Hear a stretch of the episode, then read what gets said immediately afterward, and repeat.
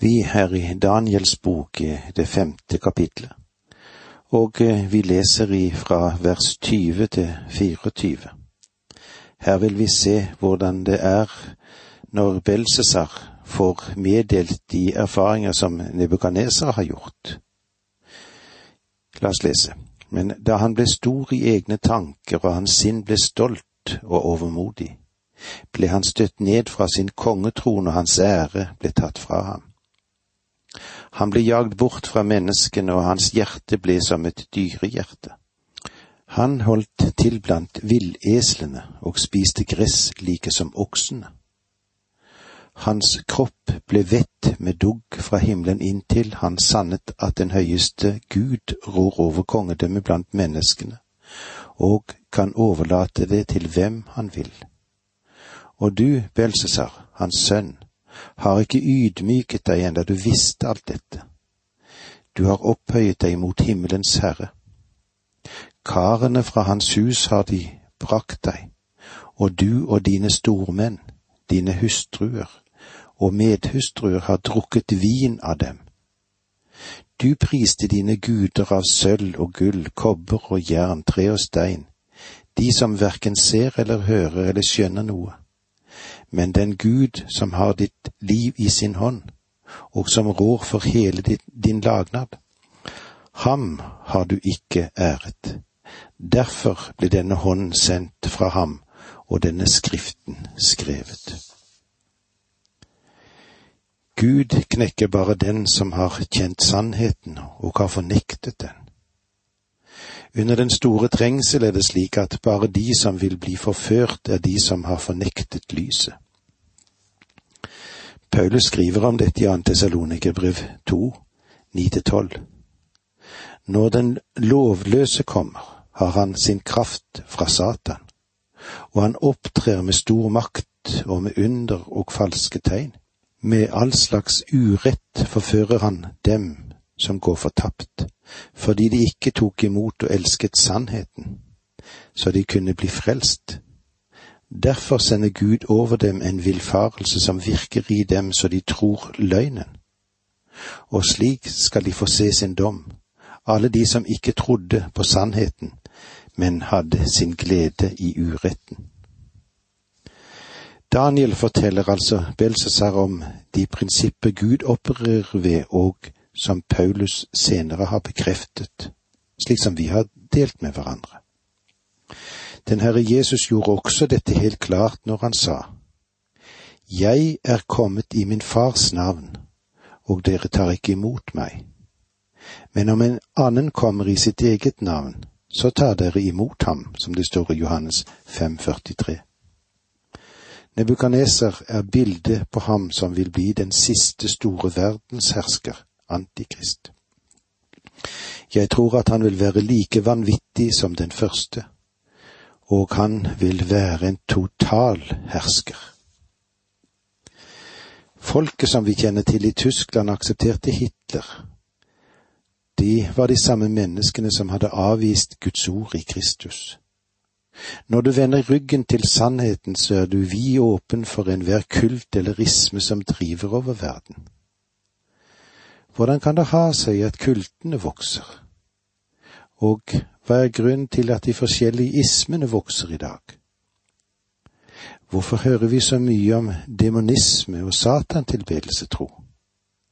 Jo, dette er en ting som dukker opp i vårt folk fordi vi er et folk som aksepterte og respekterte Guds ord, men nå har vi, som helhet, skjøvet denne saken eller denne kilden til liv, Guds ord, til sides. Vi trenger desperat den undervisningen som Guds ord kan gi oss. Vi har nok prek. Vi har nok av mennesker som forteller hva de tror. Men spørsmålet er, hva sier Gud? Hva betyr det du eller jeg måtte mene eller si eller gjøre? Det er det Gud tenker som er viktig. Daniel han avslutter sin preken med å bekrefte at håndskriften er fra Gud, han som Belsesar har vraket og latterliggjort og spottet. Noen mennesker undrer om han hadde begått en utilgivelig synd. det kan ingen endelig bekrefte. Jeg vet bare at han hadde en mulighet her til å ta imot sannheten, og den benyttet han seg aldri av. Nå vil vi se hvordan denne Daniel tolker Skriften på veggen slik som den kom frem. Vers 25 Dette er det som er skrevet, mene, mene, tekel, ufra sinn.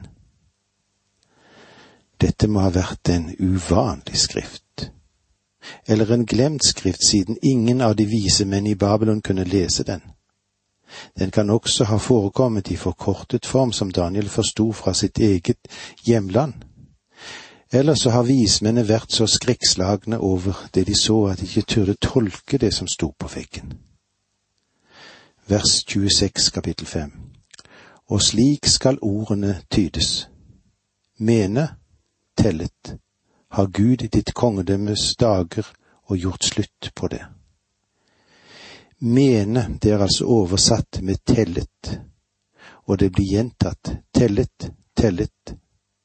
Det betyr at Gud hadde satt grenser for Babylons kongedømme.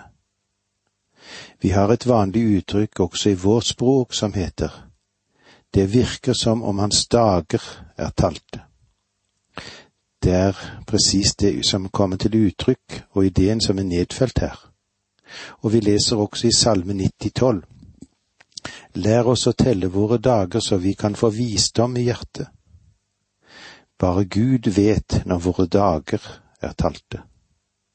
Når vår jordiske vandring er over, når det er slutt. Mene, mene betyr at Gud nå hadde satt punktum for Babylons rikes utvikling. Han holder orden på hvert øyeblikk hver eneste dag.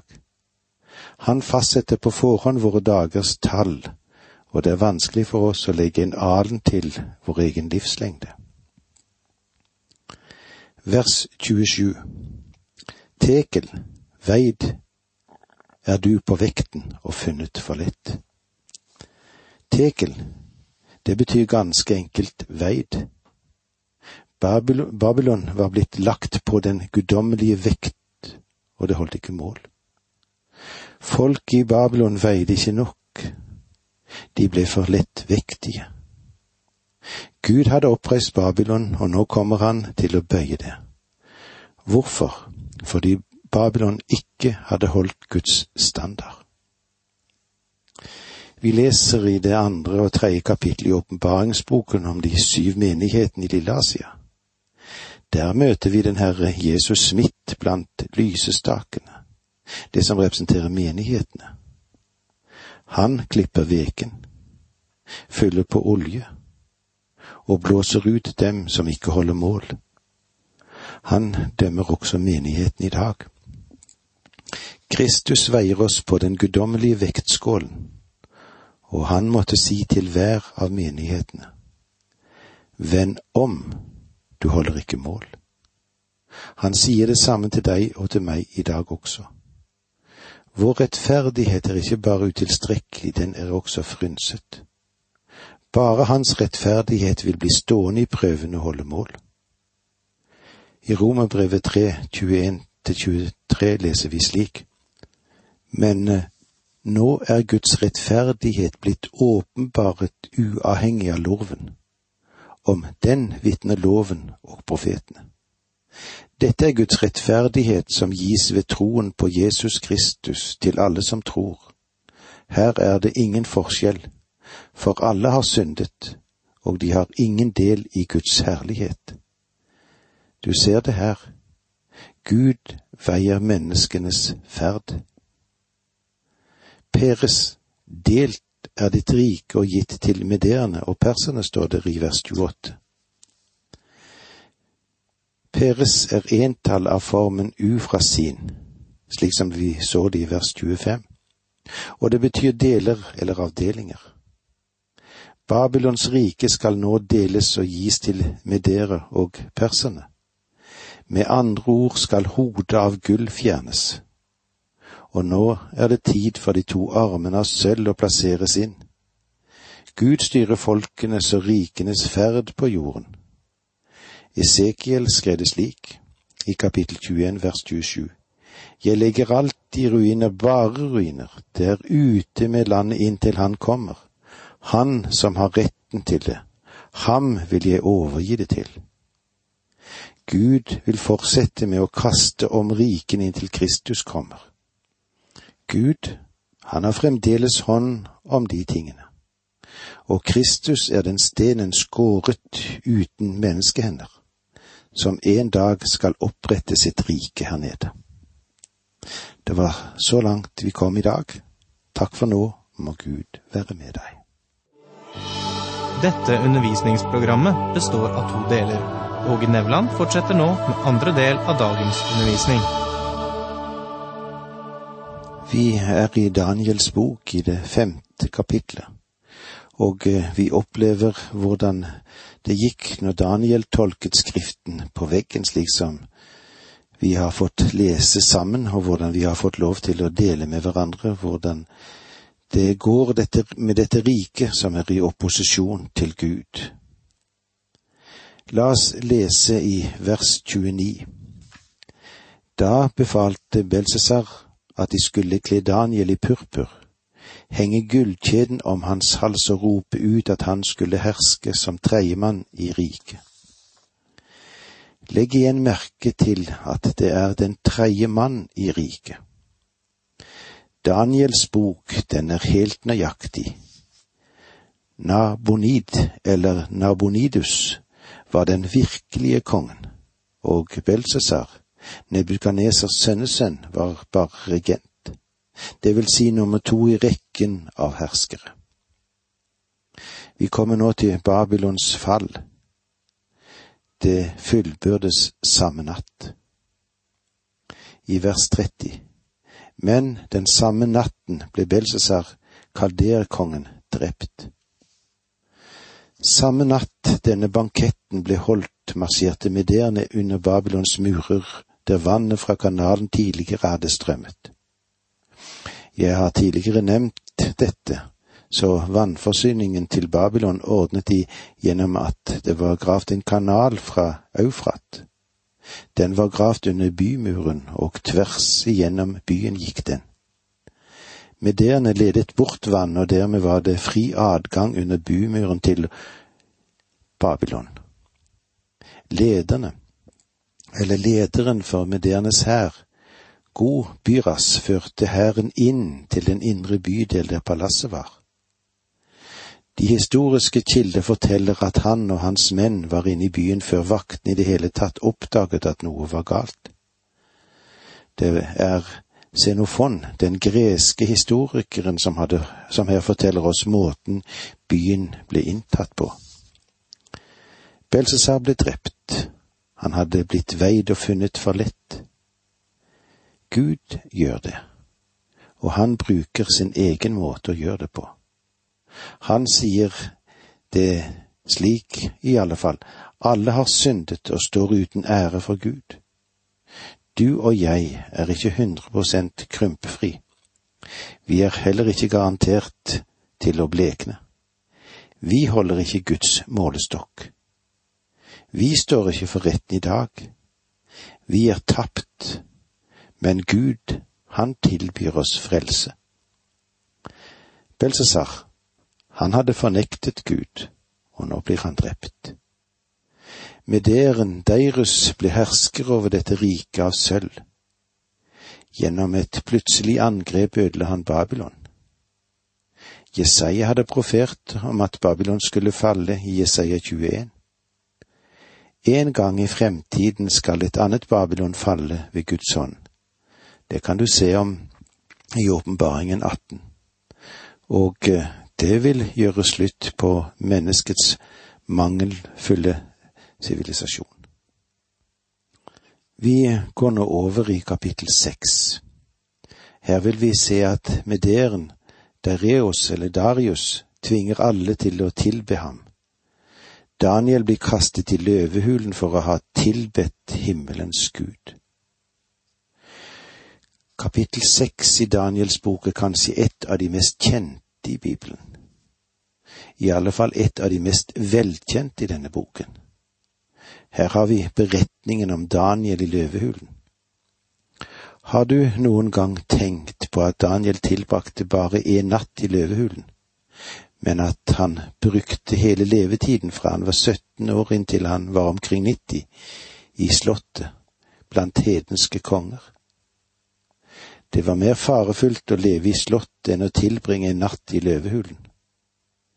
Løvene, de kunne ikke røre ved ham, men det er i palasset til Nebukaneser, Nabonid, Belsesar, Mederen Deirus og Kyros, de var jo hedenske menn. Her var Daniel stadig i fare, men han hadde det privilegium å føre noen av disse menn til kunnskap om den levende og sanne Gud. Daniel hadde bare én natt i løvehulen. Men vi skal ta oss tid til å se på denne beretningen fordi den har et budskap til oss. Dette kapitlet avslutter den historiske delen av Danielsboken, og hver historisk hendelse er blitt fortalt oss med en viss hensikt. Denne spesielle episoden i Daniels liv er ennå en illustrasjon av hvordan Gud bevarer ved sin makt, sin allmakt.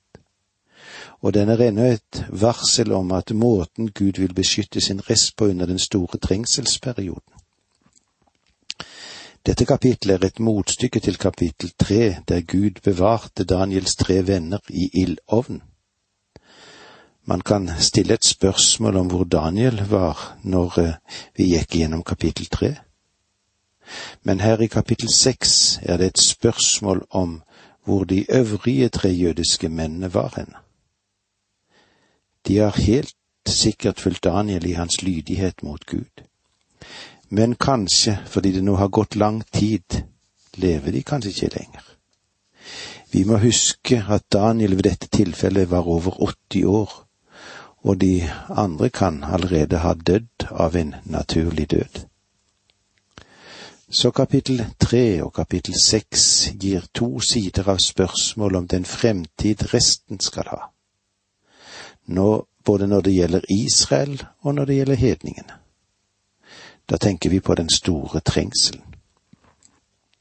I kapittel tre legges vekten på det press som legges på denne rest gjennom menneskets hat, og ikke bare hatet, men òg forfølgelsen.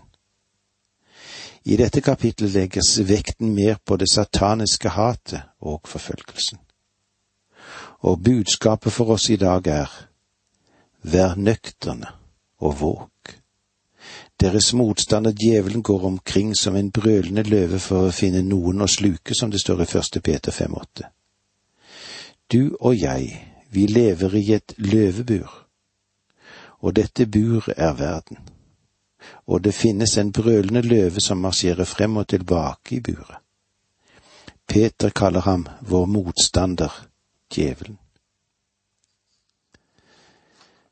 Vi vil se litt på Daniels stilling under mederen Deirios tid. Vi leser de to første versene i kapittel seks. Mederen, da Reus overtok riket, han var da 62 år gammel. Dareos besluttet å sette 120 satrapere over riket. De skulle bo rundt omkring i hele riket. Over dem satte han tre riksråder, og den ene av dem var Daniel. For dem skulle satraperne gjøre regnskap så kongen ikke skulle lide noe tap. Med åpningen av dette kapitlet har vi begitt oss et godt stykke frem i historien.